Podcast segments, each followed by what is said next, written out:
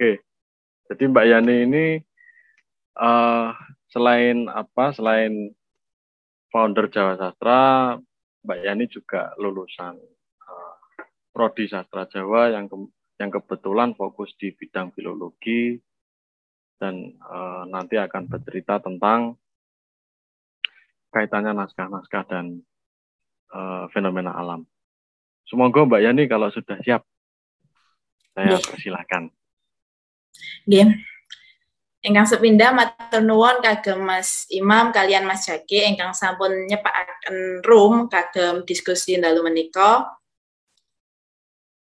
Nggih, kula saya di sini saya Yani, co-founder Jasa Sastra. Di sini saya akan bercerita sedikit mengenai pengalaman dalam menelusuri naskah yang berkaitan dengan mitigasi. Kebetulan beberapa waktu yang lalu, lebih tepatnya dua tahun yang lalu, saya terlibat uh, penelusuran naskah mengenai mitigasi dengan akun georitmu, eh, mitigasi georitmus atau at Jogja Uncover dan beliau sedang mengimplementasikan mimpinya dalam menelusuri rentetan bencana yang terjadi di Yogyakarta, entah itu dari gunung maupun dari gempa bumi. Dan dalam penelusurannya, beliau membutuhkan uh, sumber sekunder yang berupa naskah.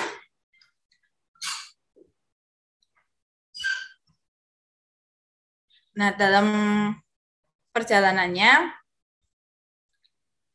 beliau menawarkan beberapa hasil pembacaan jurnal dan di dalamnya ada naskah-naskah yang berkaitan dengan letusnya Gunung Merapi seperti naskah babat nitik koleksi Pakualaman.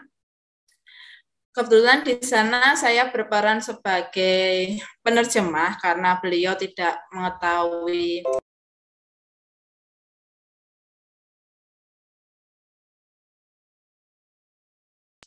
tidak bisa membaca bahasa Jawa Baru.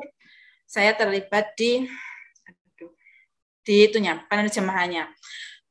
Nah, teman-teman berminat dalam membaca rentetan apa saja yang sudah diketahui oleh pihak Jogja Cover, bisa saja langsung kunjungi di tweetnya, karena di sana beliau dimulai dari sebelum Mataram dan sampai ke Mataram. Nah, kebetulan saya sendiri untuk filologinya fokusnya ke Jawa Baru, yakni naskah-naskah yang tidak bis, uh, bisa dibilang saya kurang bisa untuk Jawa Pertengahan maupun naskah Merapi Merbabu atau Jawa Kuno. Jadi ruang lingkup saya membatasi naskah-naskah yang bisa saya baca. Salah satu naskah yang saya tawarkan pada Jogja Uncover pada saat itu yakni koleksi British Library judulnya Jogja eh, Javanese Legendary History. Mungkin akan saya share screen.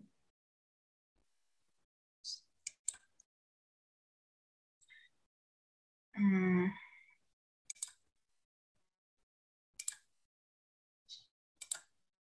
Nah, ini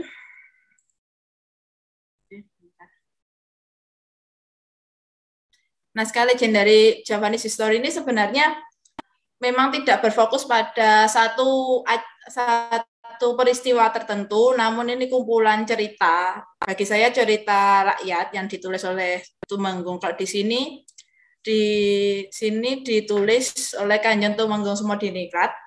Dari banyak cerita itu saya menemukan dua cerita yang menarik. Pertama adalah cerita mengenai Sultan Grum yang berkunjung ke Jawa dan yang kedua mengenai perang antara jin dan manusia. Kenapa itu membuat saya menarik? Pertama dari judulnya. Yang kedua di sini kan kebanyakan legenda seperti legenda Kiaji Saka kemudian pada masa Banjaran. Nah ini ada dua judul yang menurut saya berbeda. Kebutuhan sebelum sebelum Jogja Uncover meminta bantuan saya ketika saya membaca itu ternyata dalam penggambarannya dia mengenai sebuah bencana. Yang pertama yang di cerita Sultan Grom, ya ini di halaman F40R ini bercerita mengenai sebuah utusan saudagar dari Ngrom yang datang ke Jawa menggunakan kapal melalui samudera dan dalam perjalanannya itu tiba-tiba ada gempa besar digambarkan lautnya membelah menjadi dua dan apa ya angkutan kapalnya. Yang kapal itu kan termasuk ada hewan ternak dan lain sebagainya yang bakal digunakan untuk konsumsi selama di Jawa itu mati semua. Dilalah satu orang itu selamat dan terdapat di Jawa. Ketika dia sampai ke Jawa dia menyaksikan banyak orang Jawa yang meninggal. Kemudian dia kembali lagi ke Ngerum untuk mengabarkan bahasanya di Jawa ada gempa besar banyak yang meninggal eh, apa kondisi pulaunya tidak karuan tapi dari sayangnya dalam cerita ini kan tidak bisa diambil satu kesimpulan. Pertama, tidak ada tahun. Tahun dalam cerita itu yang dimaksudkan tuh tahun berapa sih ceritanya. Yang kedua, karena dia kumpulan cerita dan itu ditulis zaman Smodiningrat berarti akhir HB1 awal HB2 akhirnya kan apa ya data mengenai tsunami pada tahun itu pun juga tidak ada. Yang ketiga, eh, Ngrom itu sendiri sampai sekarang masih menjadi fenomena. Yang kedua, naskah yang kedua yang jadi eh, ketertarikan saya yakni Perang Jim Lan Manuso halaman 118 cerita perang Ejim dan Manusa. Dia sebenarnya masih kesatuan dengan ceritanya Kisah Tomo, ceritanya Prabu Banjaran yang pada saat satu perang di daerah itu semua prajurit bersiap-siap kemudian mereka tapi tidak tahu musuhnya itu siapa makanya mereka bilang itu jin Nah, jimnya itu ada di darat dan di wiyat atau di langit, tapi tidak bisa dilihat. Hanya saja jim itu terus menghujani batu dan kerikil. Dan itu berlangsung cukup lama, meskipun malam dia masih gelap, dan endingnya diceritakan bahwasanya Jim itu kalah dengan matahari, karena ketika matahari nampak, tidak ada lagi hujan kerikil dan batu. batu. Nah, itu di sini saya simpulkan bahasanya dia menggambarkan sebuah bencana alam gunung. Namun di apa ya, dalam penceritaannya mungkin dipoles dengan cerita naratif atau kemungkinan hipotesis saya kedua pada masa adanya cerita itu ditulis mungkin pengetahuan mengenai gunung meletus itu belum ada makanya disamakan dengan jin. Dan menariknya dalam naskah ini juga diceritakan bahwasanya ketika mereka sudah kewalahan, akhirnya mereka lari mengungsi, meskipun mereka akan balik lagi ke tempat itu untuk berperang lagi dengan jin. Kata mengungsi ini, kesadaran untuk mengungsi ini sendiri merupakan kesadaran apa ya, mengurangi kerusakan, kerusakan diri sendiri ataupun kerus, maksudnya kerusakan pribadi. Nah, itu berarti dia sudah sudah melakukan sebuah mitigasi. Nah, hanya dua naskah ini yang saya laporkan ke Jogja Uncover pada saat itu. Kemudian kami sharing lagi. Dari beliau saya belajar bahwasanya ternyata eh, kegiatan filologi terhadap naskah-naskah ini sangat berperan penting sebagai sumber sekunder dalam penelusuran kebencanaan sebuah wilayah yang nantinya bisa dijadikan sebuah kita atau sebuah indikasi atau sebuah landasan dalam menghadapi bencana yang akan datang seperti itu. Nah, kalau ditanya mengenai kemitigasian dan masyarakat Jawa sendiri, selain di naskah, bagi saya sebenarnya masih ada lagi produk-produk yang lebih apa ya, lebih pasti seperti petungan, petungan pram, e, mongso ataupun petungan apa ya nam? Petungan paling dan paling tangan kemudian primbon itu sendiri. Kenapa? Kalau saya lihat sistem kerjanya dari siapa Mas Jogja Uncover dalam membuat sebuah mitigasi dengan menelusuri naskah-naskah, dengan menelusuri catatan-catatan yang ada di masyarakat itu, berarti primbon atau petungan paling dan paling tangan atau paukon itu dulunya juga sebagai sebuah produk dalam dalam menyikapi eh, apa ya menyikapi sebuah bencana atau mempersiapkan diri atau gimana ya siap atau mitigasi sebagai produk mitigasinya pada saat itu.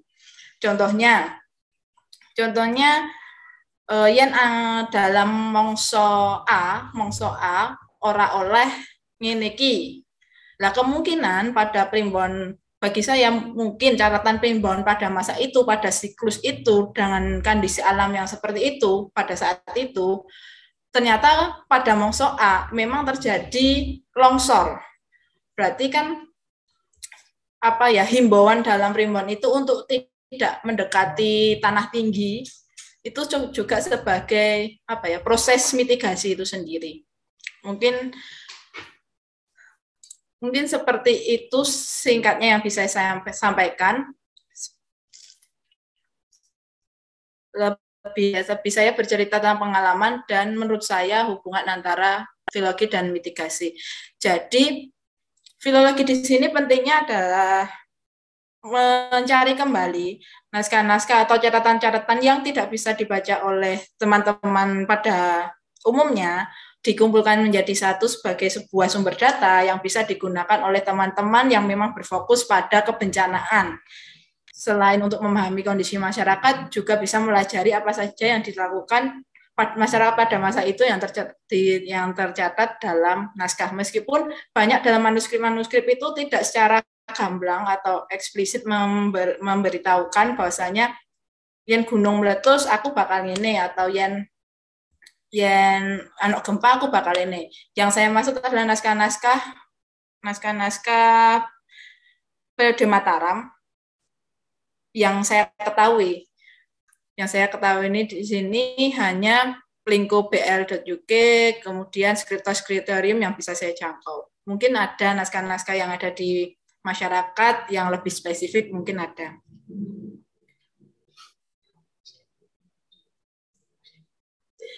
Di sini saya memiliki salah satu contoh produk naskah dari yang berasal dari masyarakat. Nah, satu wilayah itu dia rawan gempa, letaknya di daerah bantaran Kulon Progo, Kali Progo lebih tepatnya. Kalau kita tahu primbon itu kan primbon yang luas atau pawukon yang luas atau paling dan paling yang luas. Eh, kebetulan saya ada naskah asli dari masyarakat Bantaran Kali Kulon Progo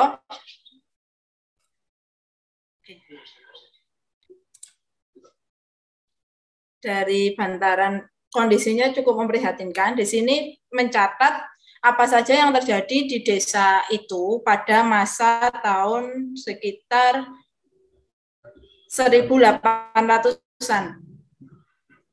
Namun namun meskipun dari tebal ini memang tidak di, bisa diketahui bagaimana mereka menyikapi gempa, hanya saja mereka meniteni atau apa ya mencatat kapan saja akan gempa atau kapan saja waktu apa saja akan terjadi gempa di daerah itu.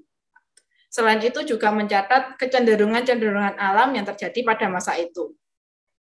Nah, ini mungkin bisa dijadikan sumber sekunder, bukan primer, untuk selanjutnya dibandingkan dengan data-data ilmiah kearkeologian atau pertanahan atau geologi dan lain sebagainya dalam menghadapi mitigasi.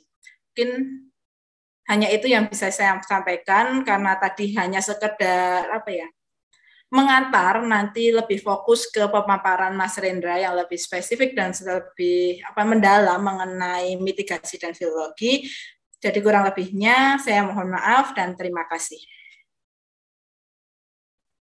Ini matur nuwun Mbak uh, Yani tadi uh, pembuka yang cukup apa uh, paling tidak bisa menjadi pengantar bagi kita semua bahwa uh, ya catatan di masa lampau itu bisa menjadi satu rujukan uh, untuk uh, bagaimana kita apa ya uh, mempersiapkan mungkin atau bisa menjadi semacam kajian dan lain sebagainya dalam hal uh, mitigasi bencana. Meskipun uh, pada masa lalu juga karena memang uh, apa teknologi belum secanggih sekarang, jadi belum ada uh, penelitian secara uh, mutakhir ya. Jadi paling tidak bisa dilihat dari apa polanya dan bisa dipelajari atau bahkan di, dijadikan uh, rujukan untuk uh, menanggapi uh, apa potensi-potensi uh, fenomena alam sebagaimana kita tahu bahwa memang Indonesia ini ya berada di ring of fire ya jadi rentetan gunung-gunung berapi jadi juga uh, apa diceritakan bahwa ada catatan tentang gunung meletus yang digambarkan juga dengan ada peristiwa tsunami, tapi hal itu dianggap sebagai uh, kekuatan jin ya. Jadi memang karena ya kembali lagi memang pada waktu itu belum ada teknologi yang canggih. Uh, sekarang meskipun sudah ada uh, pada dasarnya sudah ada awareness dari uh, masyarakat pada waktu itu bahwa uh, fenomena alam itu uh, bisa bisa uh, terjadi kapan saja di Indonesia ini dan apa ada juga catatan yang menerangkan bahwa bagaimana masyarakat pada waktu itu menanggapi atau uh, mempersiapkan uh, tentang uh, kejadian-kejadian alam yang terjadi pada uh, waktu itu. Nah ini juga uh, kebetulan ini juga sudah ada uh, Mas Rendra juga Selamat malam Mas Rendra. Selamat malam. Nah, ya, semoga ya. terdengar. Iya, terdengar jelas Mas ini. Oh ya, jadi memang tadi itu saya lupa menyampaikan ya. Jadi diskusi ini itu berawal dari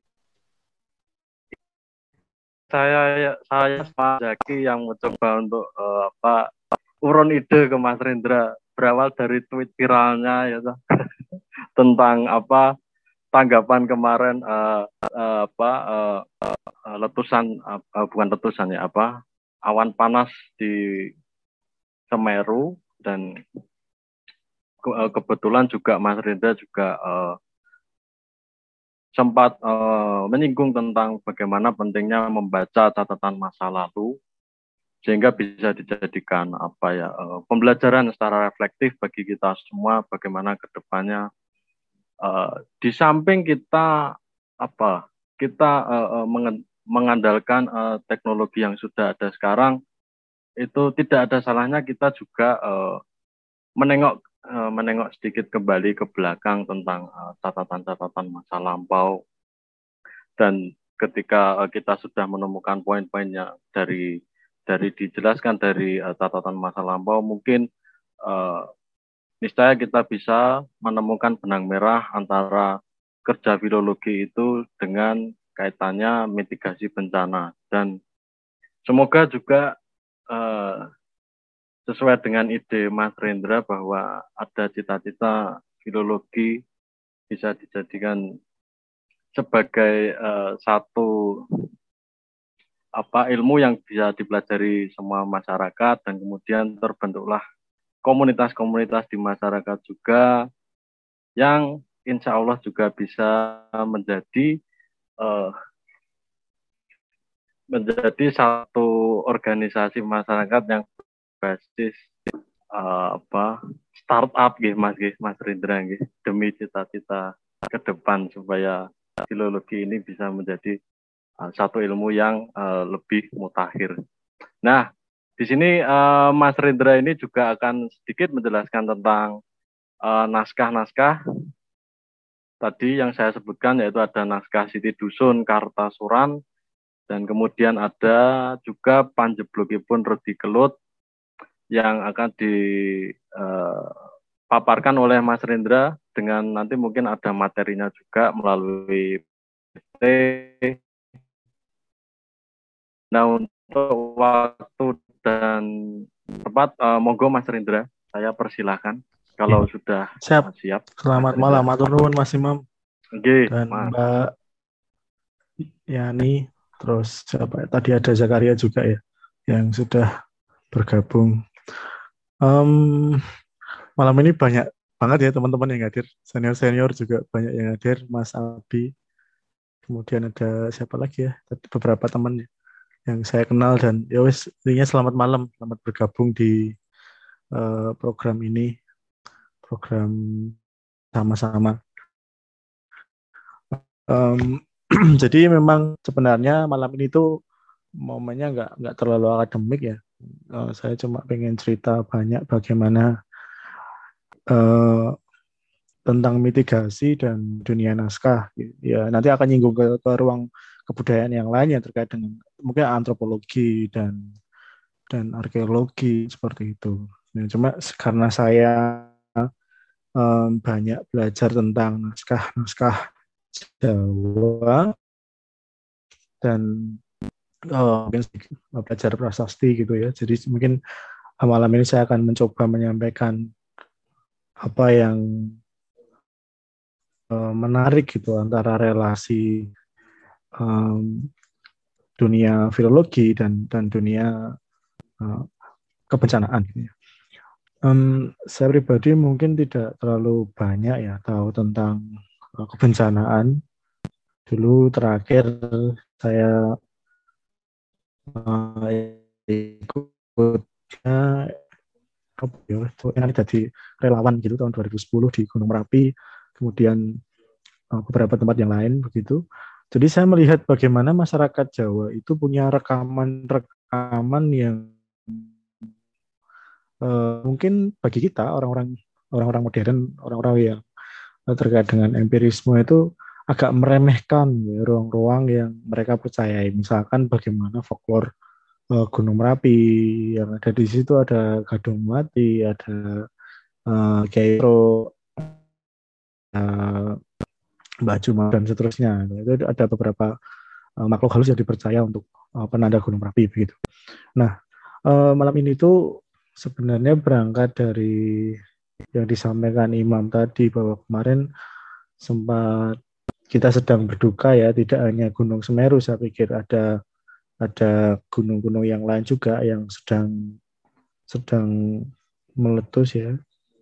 Misalkan terkait itu ada Sinabung kemudian Merapi hari ini sampai hari ini juga masih dalam kondisi siaga dan dan saya pikir perdebatan cukup panjang. Nah berangkat dari Twitter kemarin itu ceritanya banyak media yang menyorot uh, mitigasi bencananya ke mana gitu, oh, badan badan vulkanologinya ke mana, terus akad ke mana gitu. Nah itu yang sebenarnya saya terus bikin utas dan dan di jadi viral ya, misalnya dibagikan hampir oh, 3.000 orang dan disukai hampir 10.000 orang sekarang. Jadi oh ternyata mungkin filologi jadi ruang yang penting juga diturunkan ke dalam ruang-ruang yang lebih sederhana kayak gitu. Nah, uh, secara dalam undang-undang kebencanaan jelas ya ada tiga jenis bencana di Indonesia bencana alam, kemudian bencana sosial dan bencana buatan. Bencana yang ditimbulkan karena uh, dari dari faktornya ya, faktor penyebabnya. Bencana alam praktis karena uh, perubahan alam yang ada di Indonesia karena banyak gunung, kemudian uh, ada di dalam satu kawasan yang fire, kemudian um, bencana sosial praktis karena perang, terus pergulatan politik dan lain-lain, dan bencana buatan ini terkait dengan kegagalan teknologi, kemudian juga mungkin gaya hidup manusia ya yang akhirnya menimbulkan wabah gitu. Nah, menurut Bau Sastro jelas ya Bancono itu bisa berarti dua, yang artinya sebuah ilusi gitu ya, tipuan, dan artinya tentang alangan atau boyo gitu. Dan, dan ini kemudian diserap ke dalam bahasa Jawa uh, baru dari bahasa Jawa kuno ke bahasa Jawa baru kemudian diserap ke dalam bahasa Indonesia. Jadi tiga bencana ini sebenarnya paling cukup banyak ya di, ditemukan di dalam kehidupan kita sehari-hari. Bahkan ketika hari ini lebah itu juga sebenarnya bagian dari bencana yang kita kita hadapi hari ini ya. Jadi pagebluk ya orang Jawa 100 tahun yang lalu disebut dengan pagebluk dan seterusnya. Nah, um, mungkin saya akan sedikit memaparkan prasasti yang dibaca oleh senior-senior ya. Ada uh, di Museum Nasional dan tempat-tempat yang lain. Misalkan kita berangkat uh, dengan uh, prasasti Rukam. Ya. Prasasti Rukam itu prasasti yang memuat di sekitar Mataram kuno. Mungkin mungkin itu tentang Gunung Sindoro Sumbing dan kita tidak tahu karena uh, teksnya tidak tidak terlalu detail ya di situ. Di situ menyatakan bahwa ada sebuah desa ya Wanua Wanua Idro ada yang menerjemahkan Jero sangkayan hilang dening guntur. Nah kalau kita buka kamus uh, Jawa kuno ya di sini ada Mas Abi ada Zakaria yang juga fokus di Jawa kuno itu tentang guntur itu nanti ada banyak istilah yang digunakan dalam Ramayana Mahabharata tentang lewu guntur tentang bagaimana uh, bencana Gunung Merapi itu sudah dikenal ya cukup lama oleh masyarakat kita di Jawa setidaknya tahun 900-an Masehi begitu. Nah, itu tentang Lewu Guntur jadi tentang uh, lahar dingin gitu ya. Jadi Lewu Guntur itu tentang abunya yang terkena banjir dan kemudian meluluhlantahkan banyak tempat. Nah, dari prasasti Rukam itu kita bisa tahu bahwa ada desa-desa uh, yang hilang karena karena karena bencana alam dan kemudian dibangunlah uh, desa baru dan dijadikan sima untuk penghormatan kepada Nini Haji gitu ya kepada nenek raja gitu uh, dengan berbagai macam tafsirnya nanti silahkan baca sendiri di, riset-riset tentang prasasti rukam ini ada yang menafsir rukam ini desa baru itu ada yang berpendapat bahwa rukam ini desa yang hancur karena karena bencana itu. Nah, rukam sebenarnya adalah nama pohon ya, nama pohon yang kita kenal di Indonesia juga. Um, biji-bijinya seperti berwarna merah gitu. Nah, dari situ saya melihat oh ternyata desa-desa itu banyak juga ya yang yang hancur gitu. Saya pikir uh, ketika prasasti itu dibuat itu hanya bercerita tentang pembuatan sima ya, seperti desa-desa pada umumnya sima hanya dibuat untuk uh, padarma dan seterusnya tapi ada juga sima yang yang dibuat karena bencana. Ini catatan yang cukup tua yang kita perlu perhatikan. Dari catatan ini banyak banyak teman-teman arkeolog yang mungkin menafsir uh, desa yang hilang ini mungkin diibaratkan seperti liangan dan dan seterusnya pun inskripsi pendek di Liangan beberapa kali pernah dibaca oleh Pak Gunawan Sambodo gitu. Bagaimana oh di situ ada ada inskripsi inskripsi pendek di di langkan pagar bangunan begitu ada istilah patapan dan seterusnya. Tetapi tidak pernah menyebut ini uh, Liangan sebagai rukam gitu. Tapi bisa disinyalir bahwa memang uh, mungkin Sindoro atau Sumbing menghancurkan banyak desa ya, tidak hanya tidak hanya desa Rukam. Kebetulan atau desa yang yang sebelum rukam ini dalam tafsir yang lain itu kemudian eh, kita jadi tahu bahwa uh, ada desa-desa yang memang ditinggalkan gitu.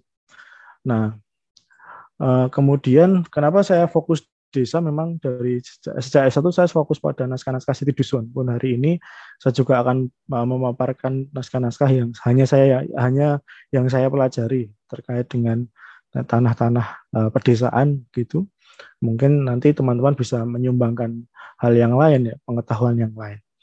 Kemudian prasasti yang lain adalah prasasti teluron gitu ya. Ini saya tidak sempat mengeditnya lebih baik begitu karena kecepatan waktu saat saya membuat uh, PowerPoint ini.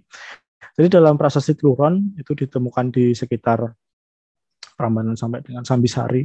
Uh, di situ ya ada uh, pembangun uh, ada tiga prasasti ya yang yang diberi nama prasasti Truron, ada yang disebut Tigaron, terus kemudian di, di, dibaca oleh beberapa teman-teman termasuk Pak Arlo ya pada waktu itu.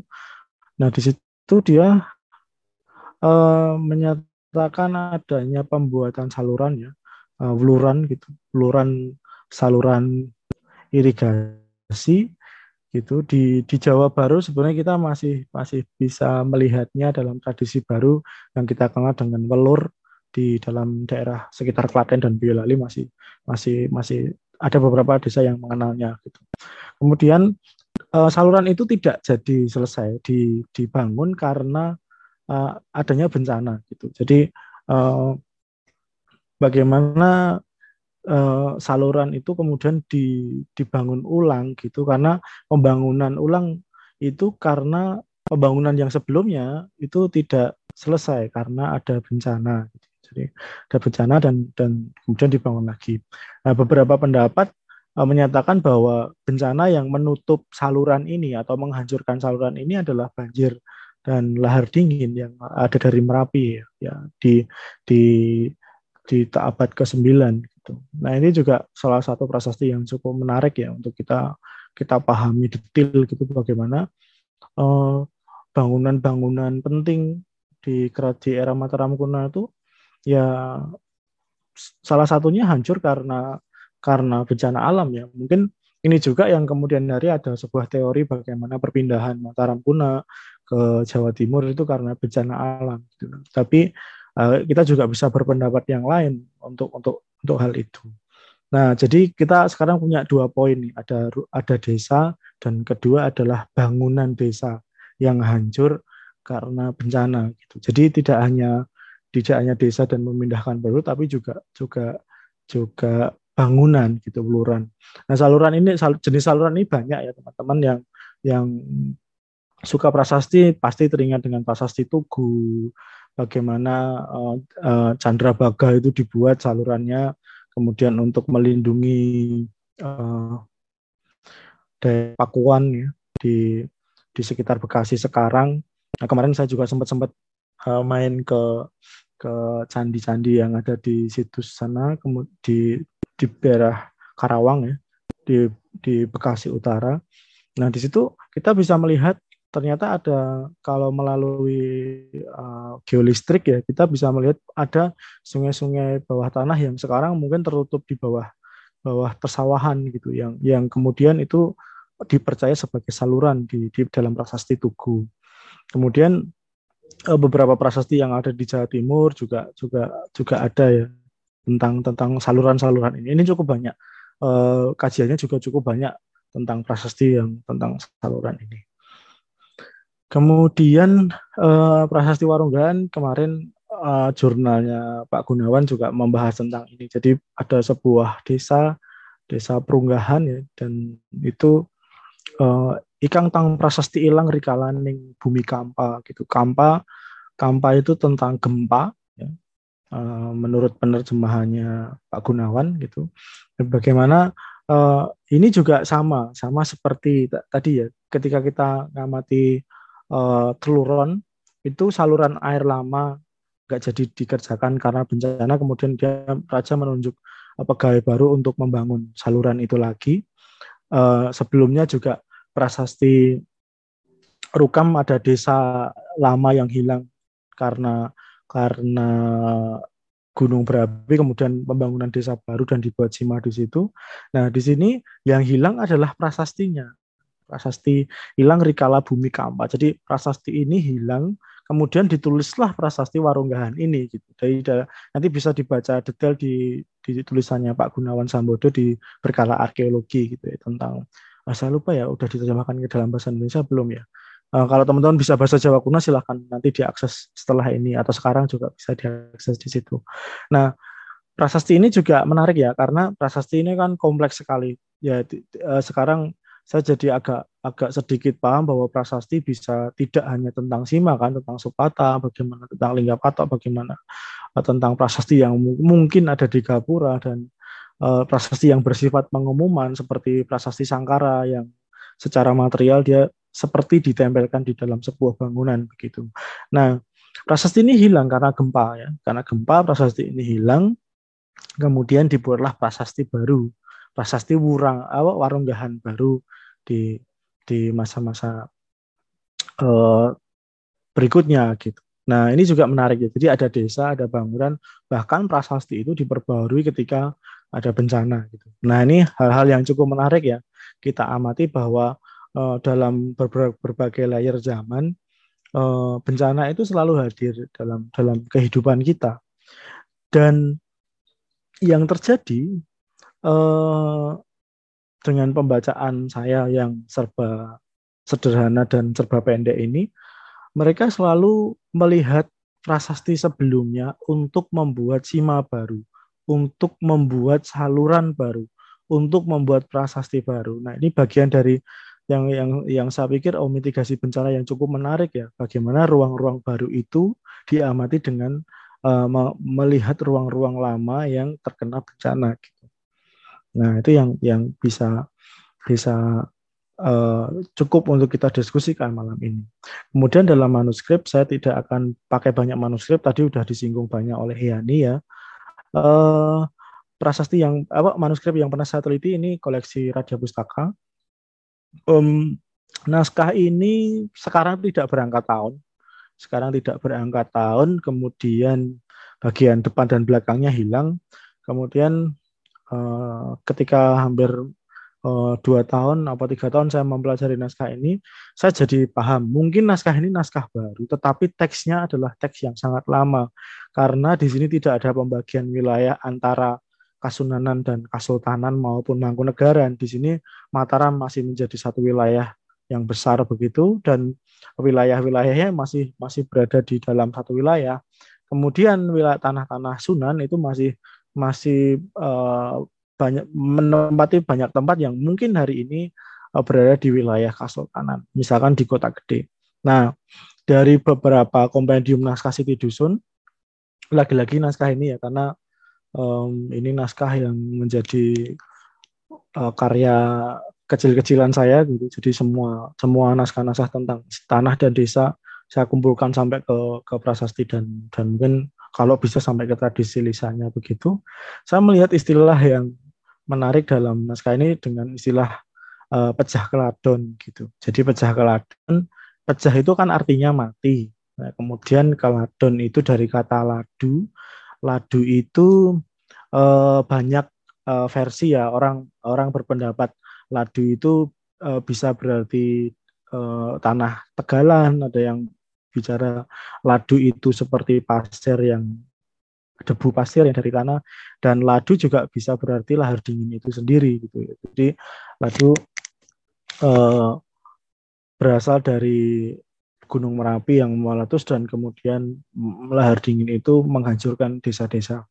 Nah, dari teks ini, teks ini dari Siti Dusun di koleksi Raja Pustoko dan yang mengeluarkan pendapat bahwa teks ini Kartosuran ini penelitian saya. Tetapi naskah ini oleh Ibu Nancy disebut dengan naskah Siti Dusun dan di pernah dikatalogkan lebih awal sebelum Ibu Nancy itu tahun 1912 kalau nggak salah.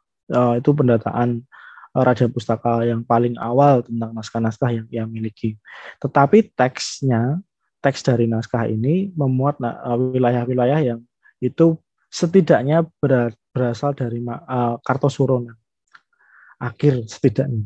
Atau mungkin lebih awal lagi juga bisa ya. Ini juga menjadi satu diskusi lebih lanjut. Nah uh, ada uh, di sini tetilar Kamangunegaran ing trayem karya sewu kaya pecah keladon wolong atus. Jadi eh, tanah yang ditinggalkan tinggalannya si Mangunagoro ini Mangunagoro ini punya tinggalan tanah di Trayem dengan jumlah seribu karyo. Kemudian yang 800, kemudian yang masih dipakai itu 200 gitu. Jadi karyonya ada 1000 karyo, kemudian yang pecah keladon ada 800 karyo, yang masih digunakan 200 karyo. Jadi ada mungkin 80% dari tanah Mangunegaran yang ada di Trayem ini eh, terkena dampak erupsi ya, Merapi gitu. Nah, bagi teman-teman yang rumahnya Muntilan, Trayem ini desa yang sangat terkenal ya. Di banyak babat desa ini cukup banyak yang bisa eh, bahkan di buku terakhir Prof.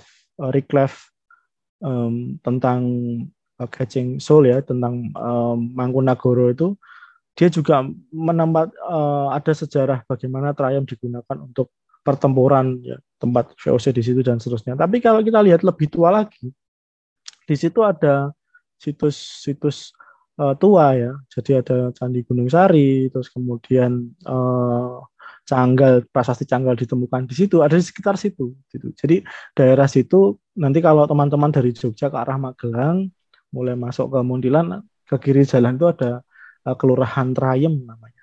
Nah di situ memang secara kearsipan banyak di arsip di babat-babat memang itu masuk di uh, wilayah uh, Mataram Mataram Islam uh, kemudian diberikan kepada Mangunagoro sebagai penewu begitu.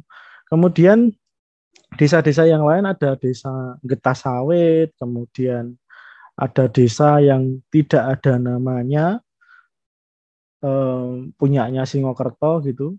Eh, terus oh sorry sorry yang uh, di Jati Jati Sari saya nggak tahu ya. Jati Santun itu di mana kemudian uh, punya pangeran uh, punya Singokerto yang ada di Trayem terus punya uh, Surodipo yang ada di Mawis dan ada di Tanjung. Ini desa-desa yang uh, dalam naskah ini dikumpulkan bahwa bagian ini adalah desa-desa di wilayah Mataram yang uh, pecah keladon. Tapi yang jadi pertanyaan saya, jadi apakah desa ini dekat dengan Trayem gitu? Itu uh, menjadi pertanyaan bagi saya dan mungkin bisa jadi diskusi ya malam ini. Dan sampai hari ini, ketika saya uh, pernah riset tentang uh, desa ini bersama hmm, Balai Taman Nasional Gunung Merapi ya tentang mitigasi bencana. Kemudian beberapa kali diskusi dengan teman-teman BPBD di Jogja, terus Sar Magelang, gitu kan. Kebetulan kenal beberapa orang begitu, saya mendapatkan banyak data bahwa sampai hari ini Trayam pun masih uh, dalam wilayah desa yang rawan bencana gitu. Tetapi faktanya naskah ini uh, tidak banyak loh diketahui oleh teman-teman yang ada di sekitar situ. Gitu. Dan 2010 daerah situ bagian yang tepian sungai juga terkena dampak lahar dingin lagi gitu. Nah itu juga jadi masalah ya. Jadi di masa kemungkinan besar masa Kartosuro daerah ini sudah pecah keladon. Kemudian temuan-temuan arkeologis yang ada di situ juga dalam kondisi terkena lahar dingin, tetapi masyarakat hari ini juga masih uh, menggunakan desa itu. Gitu. Nah, ada ketidaksinambungan lama uh, yang terkait bagaimana naskah-naskah dan teman-teman arkeologis tidak tidak uh, linear gitu ya, tidak sejajar dengan dengan ruang mitigasi atau mungkin karena bidang ini tidak banyak diketahui orang banyak, akhirnya orang-orang uh, tidak menggunakan uh, sumber acuan ini. Naskah itu di sini menjadi penting karena ini bukan naskah babat ya. Ini naskah arsip gitu. Jadi kalau lihat tulisannya itu memang hanya untuk ngarsip aja. Kebenaran atau tidaknya kita bisa cek di lapangan ya satu-satu nama-nama desanya itu. Nah ini yang yang cukup uh, menarik dan penting gitu. Jadi sumbangan filologi untuk mitigasi bencana secara khusus uh, di Gunung Merapi dan arkeologis epigrafis secara khusus di Gunung Merapi dan dan ruang yang lain itu juga penting kita perhatikan. Seperti tadi ya Prasasti Warunggahan menurut laporan uh, dalam jurnalnya Pak Gunawan itu jadi lokasinya dekat sekali gitu dengan dengan desa Perunggahan hari ini dari Warunggahan dan Perunggahan itu hanya jaraknya 3 sampai sampai 4 km gitu. Nah, di situ uh, dan memang mungkin saja hari ini terlihat dia tidak ada apa-apa tapi sebenarnya kita punya layar-layar rekaman arsip kemudian naskah, kemudian prasasti yang yang sebenarnya bisa kita gunakan untuk mitigasi bencana. Seperti yang terjadi Semeru hari ini kan. Jadi sebenarnya daerah situ kan eh, daerah Candipuro itu kan memang dulu ada memang ada situs arkeologis yang yang yang hancur ya karena karena letusan Semeru begitu di kawasan Candipuro itu gitu dan Candipuro itu candinya udah nggak ada sekarang uh, sudah hancur gitu itu juga salah satu uh, bentuk laporan arkeologis yang menarik ya. Tapi mungkin kenapa kok mereka nggak pindah ya nggak mau pindah ya karena ada urusan soal ekonomi dan lain-lain gitu. Kemudian uh, sebagai penutup pemantik diskusi, jadi orang Jawa itu melihat gunung uh, selain dalam tradisi Jawa kuno ya kita memandang oh gunung-gunung uh, dibawa dari India terus kemudian dibawa sampai ke Jawa dan berakhir di Gunung Penanggungan, puncaknya jatuh di jadi Semeru dan seterusnya, atau di Tangkup Panggilara dan dan sampai di masa Jawa Baru ya. Jadi mungkin sampai masa modern ini, jadi pandangan Jawa modern ketika dia melihat gunung meletus itu ada asosiasi-asosiasi tertentu terhadap misalkan kelahiran orang besar gitu ya. Kita bisa baca biografinya Soekarno, eh, Soeharto gitu. Dia selalu menandai kalau Soekarno lahir ketika kelut meletus misalnya. Itu eh, sangat khas bagaimana babat-babat Jawa mencatatkan eh, kelahiran orang-orang besar. Gitu. Kemudian kematian orang besar ini juga juga pernah uh, menjadi satu riset uh, teman di UNES ya si Avi itu bagaimana uh, surut dalam Hamengkubuwono ke-7 itu juga disertai dengan gunung meletus dan dan angin ribut. Kemudian dalam babat Pakunegaran dan babat Kemalon uh, juga menunjukkan hal yang sama. Bagaimana uh, nanti bisa baca detail dari uh, risetnya Pak Reklef ya. Bagaimana pecahnya Mangkubumi dan Mangkunegoro dan kemudian uh, lahirnya perang suksesi yang semakin besar itu ditandai dengan meletusnya Gunung Kelut. Itu itu menarik kita amati. Kemudian uh, berakhirnya sebuah perang ketika orang Pajang mau, mau menyerang uh, Panembahan Senopati itu juga ditandai dengan oh Gunung Merapi yang meletus bahkan dikisahkan menutupi serangannya prajurit gitu. Jadi rentang panjang itu kita bisa melihat sudut pandang orang Jawa secara uh, uh, mitik, gitu, secara ada pandangan dalam kacamata barat kita anggap sebagai mitologi, itu ruang-ruang yang uh, orang-orang Jawa memandang tanda-tanda alam itu juga berkaitan dengan perubahan manusia atau tanda-tanda pagebluk dan lain-lain. Gitu. Nah, itu bisa bisa kita amati di banyak naskah ya dalam apalagi dalam Jawa Baru ada banyak naskah ini dan belum tergarap. Mungkin hanya ada satu dua yang kemarin dilakukan oleh LIPI ya Mas Eko Yulianto bagaimana geomitologi adanya tsunami, adanya adanya gunung Merapi kemudian diuji terus kemudian ada sesar vertikal di pantai selatan dilakukan oleh LIPI dan di situ membuktikan bahwa benar ada tsunami yang yang kira-kira dating tahunnya itu mendekati Panembahan Senopati uh, ketika dia menjadi raja. Gitu. Dan itu sebagai simbol uh, dalam naskah kan disebutkan bagaimana pertemuan Panembahan Senopati dan Kanjeng Ratu Kidul itu uh, dibarengi ikan-ikan kepanasan, kemudian laut menjadi panas, banyak ikan mati yang dari laut dan kemudian ada ombak besar dan seterusnya. Mungkin secara ruang Eh, stilistika kita bisa melihat oh itu mungkin style style sebuah babat aja gitu. Tapi uh, riset teman-teman dari LIPI ini menjadi menarik gitu karena uh, bagaimana orang-orang membu berusaha membuktikan oh tahun ini ada letusan gunung nggak sih gitu. Sama seperti naskah Panjeb Blocking Redi Gelot ya yang diterjemahkan uh, oleh Pak Sumarno dan Bu Suyami mungkin malam ini juga hadir di di ruangan ini bagaimana kolonial mem membuat sebuah saluran untuk uh, mengatasi Gunung Kelut ini, Gunung Kambut ini. Jadi dan letusan tahun ke tahun gitu. Dalam dalam teks-teks lama kita juga tahu gitu bahwa Gunung Kelut menjadi penanda-penanda tertentu sampai ke masa Jawa Baru gitu.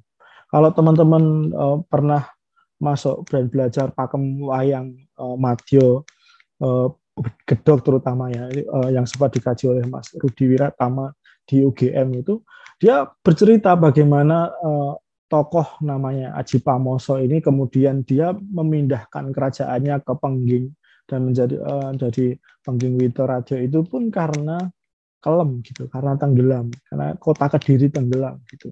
Apakah itu uh, sebuah cerita yang dibuat-buat saja oleh Ronggo Warsito ketika membuat Pustaka Raja Madya atau uh, sastrawan di, di zaman Keraton Surakarta bisa saja seperti itu, tetapi ingatan tentang kehancuran sebuah negara itu lalu dikaitkan dengan bencana-bencana besar.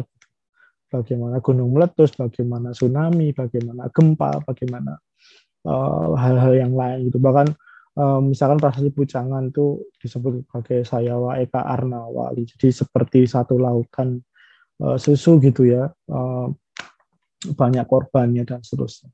Nah, dari pandangan-pandangan ini yang mungkin hari ini terjadi uh, dalam masyarakat Jawa, bagaimana uh, kajian uh, geomitologi ya cabang ilmunya nanti teman-teman yang terkait dengan folklore bisa S2 uh, geografi atau geomorfo atau yang lain tentang studi yang agak berbeda dari sastra Jawa teman-teman akan uh, bertemu kajian-kajian yang menarik. Gitu. Kemudian kajian-kajian yang folklore seperti saya cerita di awal itu banyak ya. Kita bisa melihat uh, filologi di tempat yang lain, misalkan Sair Lampung, Karam, gitu. Bagaimana Krakatau meletus dan menghancurkan sebagian Kesultanan Banten dan Lampung begitu. Kemudian ada juga naskah naskah-naskah di Aceh yang memuat uh, tsunami sebelum tsunami tahun 2004.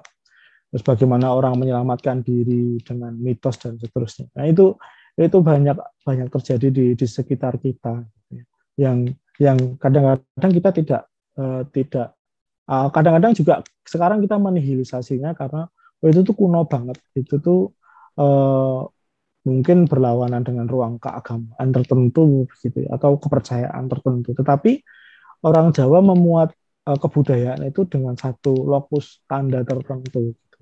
nah kalau mau membantah silahkan, tetapi ada ruang-ruang yang harus ditempuh seperti yang dilakukan oleh teman-teman LIPI itu. Saya pikir itu yang yang jadi pantikan diskusi malam ini. Uh, saya kembalikan ke moderator. Terima kasih. Iya, matur nuwun. Matur nuwun Mas Rendra uh, satu penjelasan yang uh, bersifat uh, reflektif bagi kita semua bahwasanya uh, ya sedari dulu ada uh, apa peristiwa-peristiwa alam dan dalam hal ini mungkin uh, peristiwa alam yang cukup besar ya bagaimana ada uh, bencana alam seperti tsunami atau gunung meletus yang uh, juga sebenarnya sudah di uh, dicatatan dicatatkan juga pada masyarakat masa lampau ya melalui apa uh, entah itu uh, prasasti ataupun pembentukan sima ataupun uh, ditulis dalam naskah-naskah masa lampau. Dan tadi juga dijelaskan tentang apa pecah keladon juga yang artinya uh, satu wilayah yang terhampas oleh uh, lahar dingin seperti itu dan seperti tadi di kasusnya di Trayem juga uh, bahkan sampai sekarang pun sebenarnya masih masih menjadi uh, satu desa yang dianggap sebagai titik rawan dari efek Merapi tadi ya Mas ya. Uh, tapi juga uniknya di sini juga ada uh, gap antara apa uh, catatan dalam naskah atau temuan uh, dan temuan arkeologis yang apa uh, tidak sejajar dalam uh, bidang mitigasi. Dan kalau kita kaitkan lebih jauh lagi itu makin ke sini mungkin karena ada anggapan bahwa uh, filologi itu uh, tidak tidak semua orang, tapi tetap itu masih ada anggapan bahwa filologi itu ilmu yang sangat-sangat uh, quote on quote lah tertinggal gitu sehingga tidak lagi di apa di diperlukan ya mas dalam uh, melihat uh, fenomena alam dan bisa dikontekstualisasikan pada